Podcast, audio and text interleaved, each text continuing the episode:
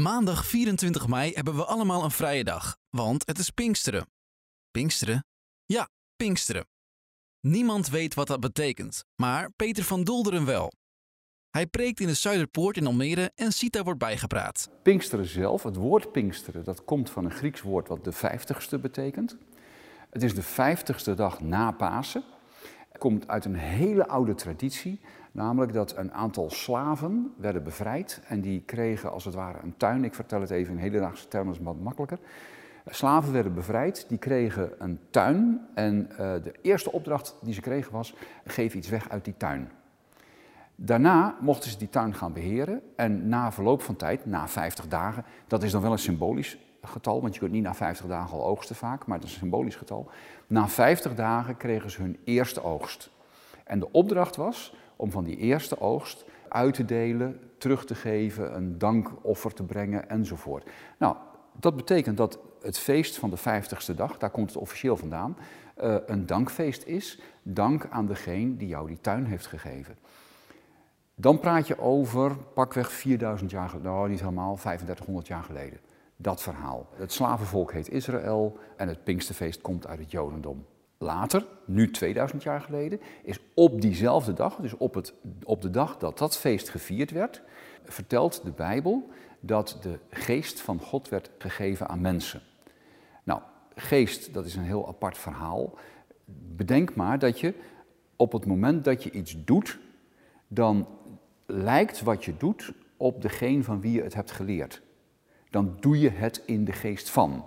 Dus jij kunt dingen doen in de geest van je moeder of in de geest van je opa. Want opa heeft het zo en zo gedaan, zo heb ik dat geleerd en zo doe ik dat ook nu. Weliswaar met mijn eigen inbreng, maar ik doe het wel in de geest van.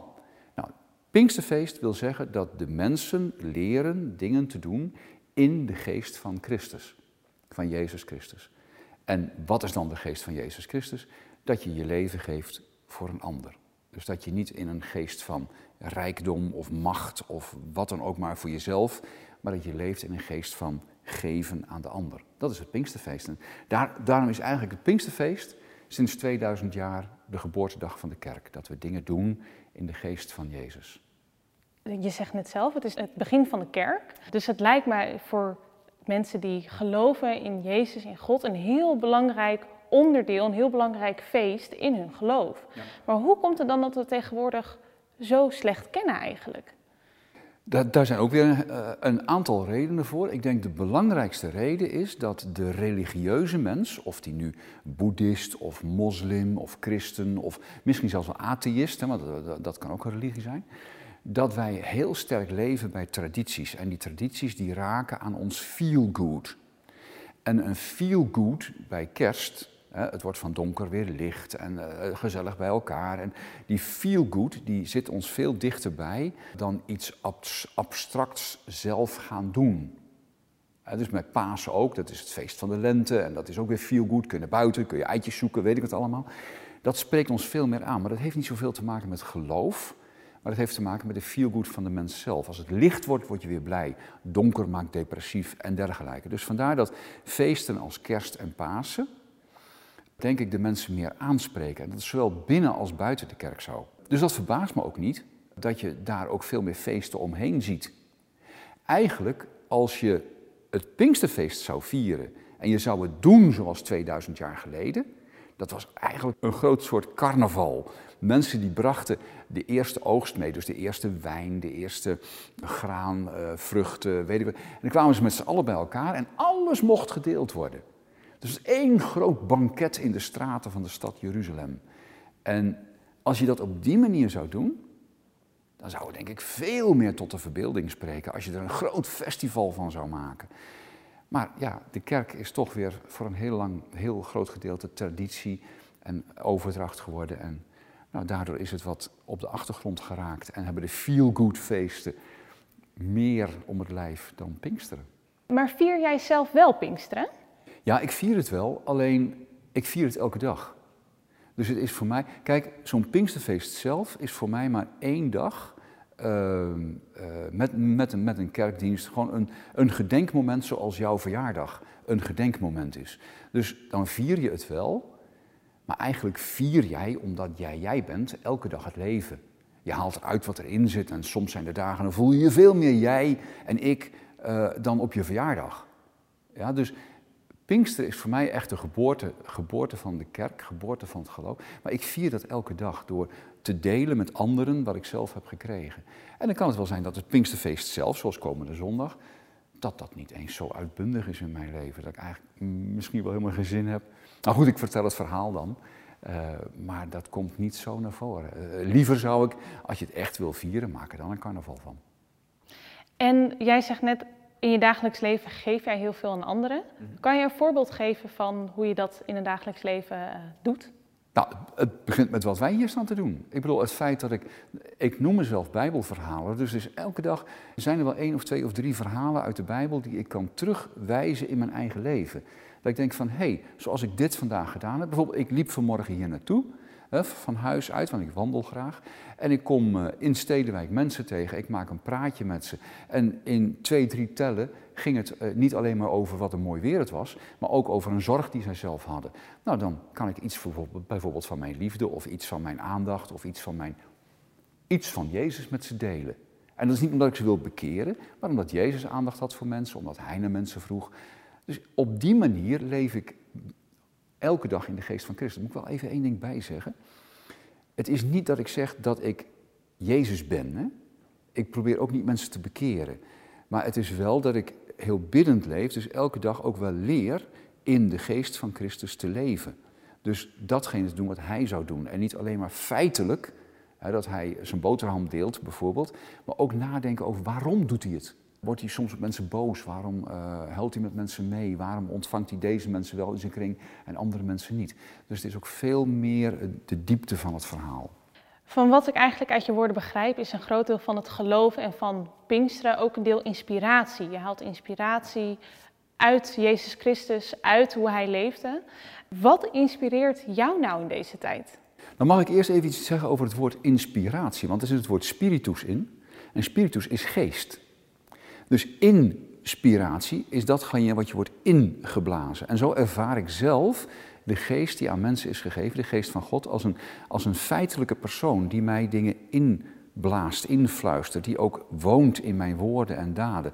Dus inspiratie is niet alleen iets van buiten mijzelf wat tot mij komt en wat ik probeer te verwerken, maar het is ook een soort bron van leven, een soort geest in mij, uh, die maakt dat ik dingen doe zoals Jezus ze zou doen. Terwijl ik ze zelf misschien niet eens door heb. Maar goed, dat is dan tot aan toe. Dus wat inspireert mij? Nou, eigenlijk inspireert mij het Bijbelverhaal zelf. En het aparte is, heel veel mensen die de Bijbel lezen, lopen er hopeloos in klem. En het gekke is, ik hoef maar één tekst uit de Bijbel te lezen. En jij en ik gaan daar eens een tien, een tien minuten over brainstormen. En we raken gewoon geïnspireerd. Gewoon op onze eigen manier. Het gaat dus ook niet om van dat ik dan tegen jou zeg van, ja, maar zoals jij het leest kan dat niet. Nee, wij raken geïnspireerd. We krijgen nieuwe ideeën. We denken bij onszelf van, hé, hey, zo kunnen we het ook doen. Of laten we daar eens naar op zoek gaan. Of laten we dit eens gaan vormgeven.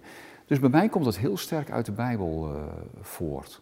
Maar is er dan, wat ik begrijp, de Bijbel voor jou meer een, uh, ja, dus een inspiratieboek? Dus een boek waarbij je interpretaties doet aan de hand van wat Jezus Christus heeft meegemaakt? Of is het echt zwart-wit, zo moet het en zo moet het niet? Nee, dat laatste niet in ieder geval. Nee, dat laatste niet. Uh, de Bijbel is voor mij geen wetboek vol met regels. De Bijbel is voor mij een boek waarin God mensen dingen laat opschrijven, liet opschrijven. En heel veel dingen kloppen ook niet als wij met ons verstand naar de Bijbel gaan kijken. Dus heel veel dingen kloppen gewoon niet. Maar God liet het zo opschrijven. En hij geeft mij dat boek en hij daagt mij uit van nou, lees het maar. Ja, maar dit klopt niet en dat. Ja, oké, kom, kom, kom, kom, kom erop, kom erop, kom erop. Laat het maar tot je doordringen. Laat, uh, lees de verhalen maar over Israël, over Edom, over weet ik wie al, over Jezus, over... Lees ze maar en vraag maar wat ze je zeggen en laat je erdoor inspireren. Dus voor mij is de Bijbel op en top het woord van God. Het klopt met mijn verstand heel vaak niet en dat is nu juist de trigger. Dat ik bij mezelf denk van, kijk, dit is het nou wat, wat, wat, wat, wat, wat mij uitdaagt om te leven. En ja, wat daagt mij uit om te leven? De Bijbel zegt God is liefde. Er zit een ongelooflijke uitdaging in om uit liefde te leven. En ook echt alles onder de liefde te brengen. Elke, elke levensvraag, elke, elke gedachte die je met elkaar deelt, van breng die onder de liefde en vraag jezelf hoe komt liefde hierin door. En is liefde iets wat jou elke dag inspireert? Ja, en uitdaagt.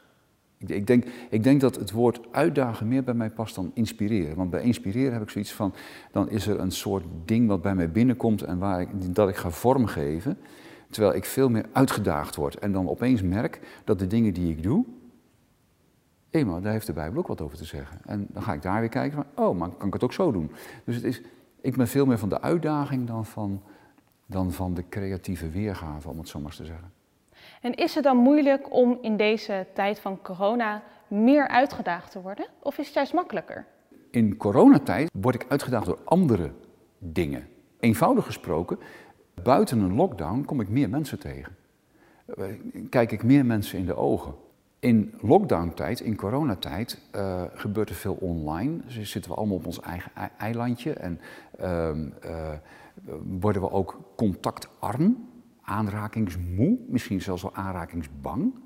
En dat betekent voor mij, ik ben niet zo van fysieke aanraking, ook buiten corona niet. Dat, heb ik, eh, dat zit gewoon niet zo in mij.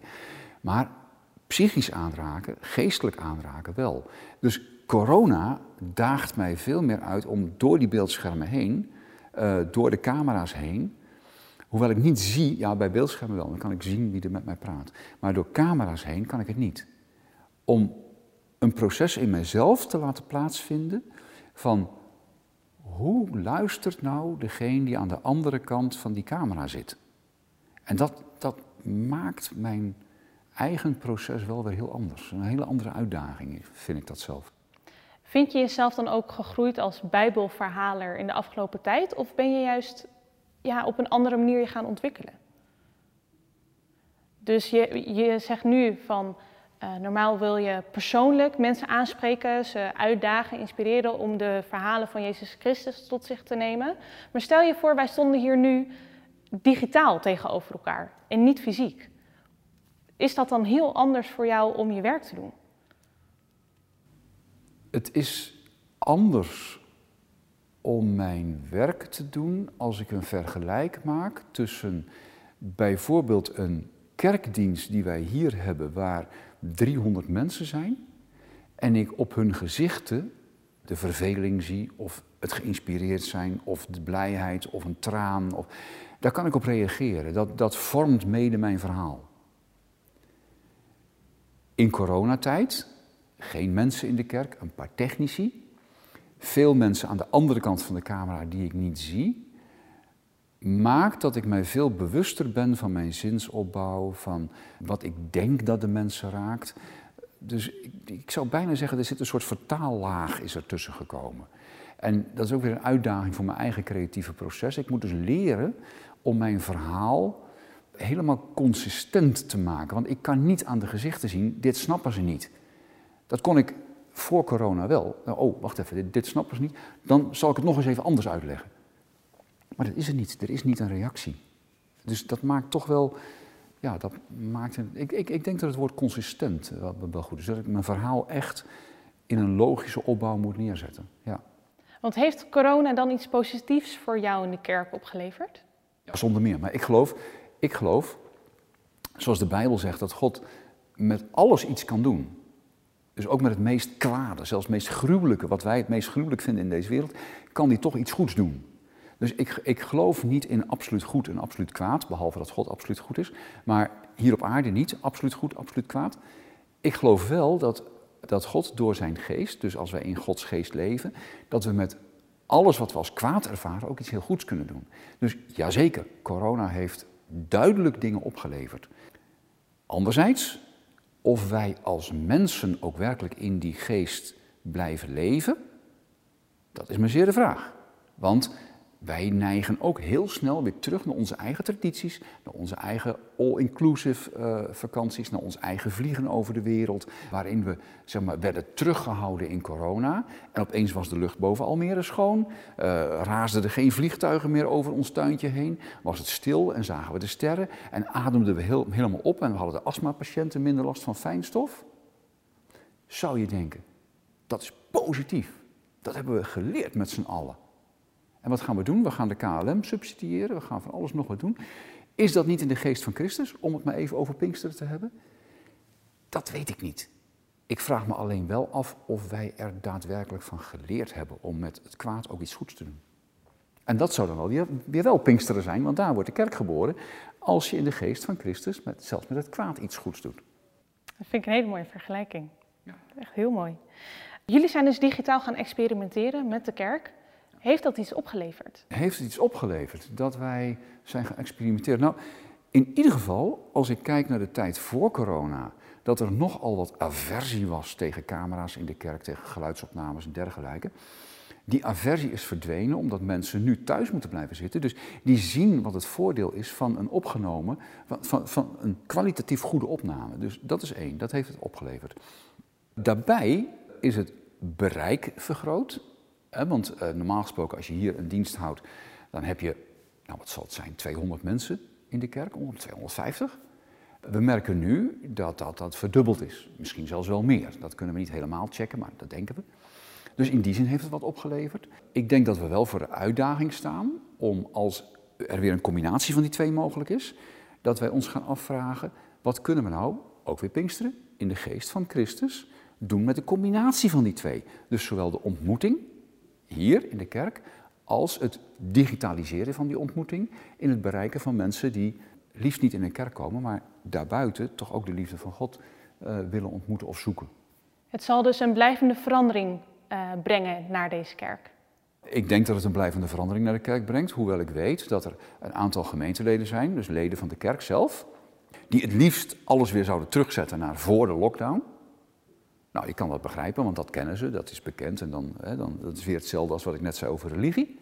Die zijn er, dus die zouden het liefst alle camera's eruit. Kennen we weer even normaal doen. Hè?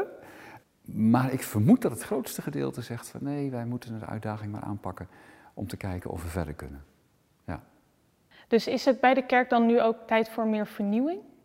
Dus in de zin van hoe jullie de diensten draaien? Vernieuwing zit er altijd in, maar een kerk is typisch een organisatie die heel langzaam ontwikkelt. Ze kijken eerst heel lang de kat uit de boom om te kijken van levert dit ons werkelijk wat op? En dat is niet van eigen belang, maar levert het ons wat op om zo de liefde van God beter te vertalen, beter te brengen, beter uit te delen. Dus de kerk is per definitie een traditioneel verhaal. En dat is ook weer lastig met Pinkster, want Pinkster zou je denken, dan vernieuwt alles. De geest van Christus komt en dan alles vernieuwen. Terwijl de kerk in zich ook weer een traditioneel ding is, dat de feel-good van kerst leuker vindt dan de vernieuwing van Pinksteren, om het zo maar te zeggen.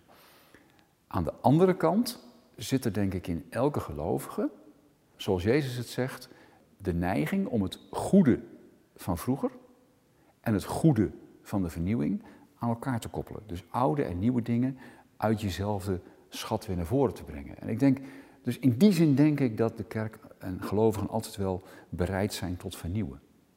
Ja, want Almere is natuurlijk ook een nieuwe stad. Ja. Uh, jonge mensen, uh, nieuwe Nederlanders. Hoe belangrijk is de kerk zoals deze dan voor een stad als Almere? Dat is een ingewikkelde vraag, hoe belangrijk deze kerk is voor Almere. Waarom is dat een ingewikkelde vraag? Omdat we dat niet precies kunnen zien. Wij geloven namelijk dat elke kerk, er zijn er een aantal hier in Almere, dat elke kerk zijn eigen snit heeft, zijn eigen, zijn eigen inbreng, zijn eigen input. En die input is per wijk verschillend, is per kerk verschillend, is, uh, enzovoort. Deze kerk is een kerk van denkers. En denkers heb je ook nodig in processen. Maar het lastige van denkers is dat je nooit precies weet waar ze invloed hebben in het proces. Kijk naar, kijk naar de kabinetsformatie op dit moment.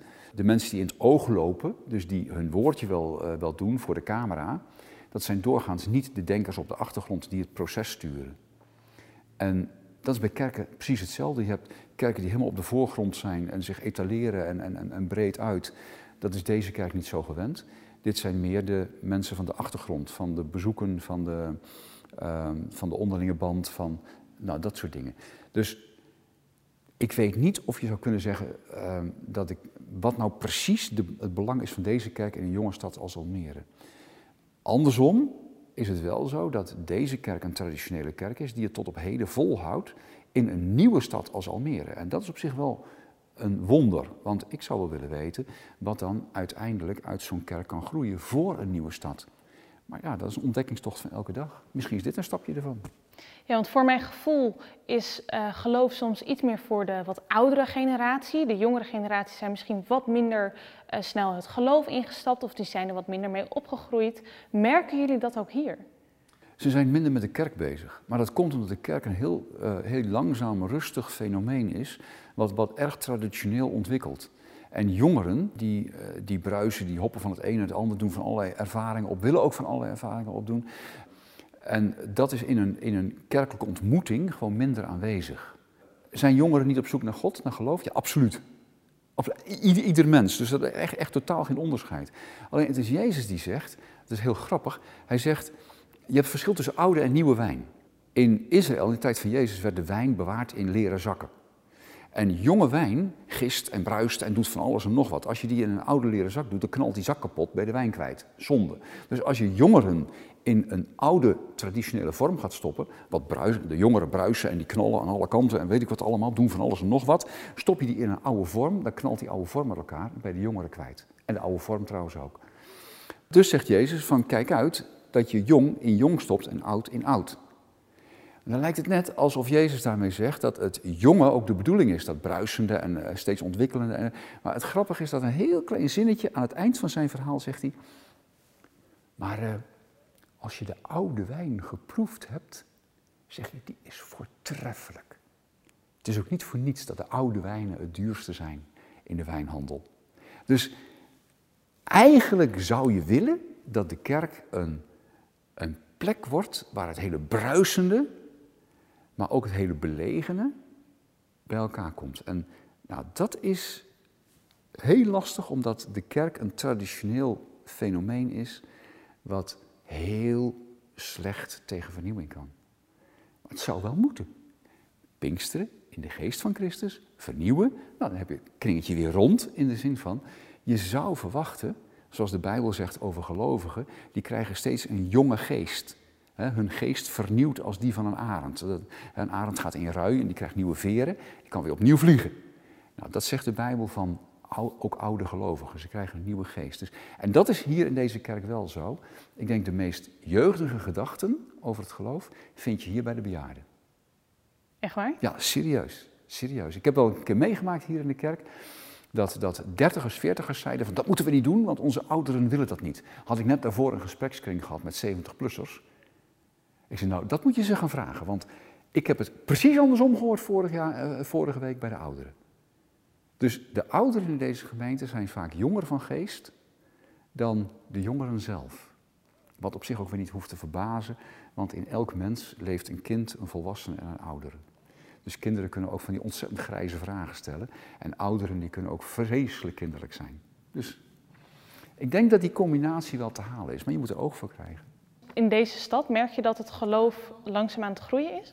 Ja, in Almere groeit het geloof ook. Uh, misschien niet in de vormen die we kennen, dus dat is wel lastig. Het is, het is wat lastig te ontdekken waar en hoe en, uh, en waar precies. Maar het groeit absoluut en het zal ook blijven groeien. Het is alleen de kunst om te ontdekken, als er al kanalen nodig zijn, welke kanalen dat dan zijn. Dat is heel lastig. En heb jij nog een inspirerende tekst voor mij? Of een uitdagende tekst voor mij? Een uitdagende tekst. Ja, de uitdaging, de uitdaging is: onderzoekt alles en behoud het goede. Dus onderzoek alles, behoud het goede. En het goede zit in de Bijbel altijd op de liefde. Want de liefde overwint in de Bijbel altijd.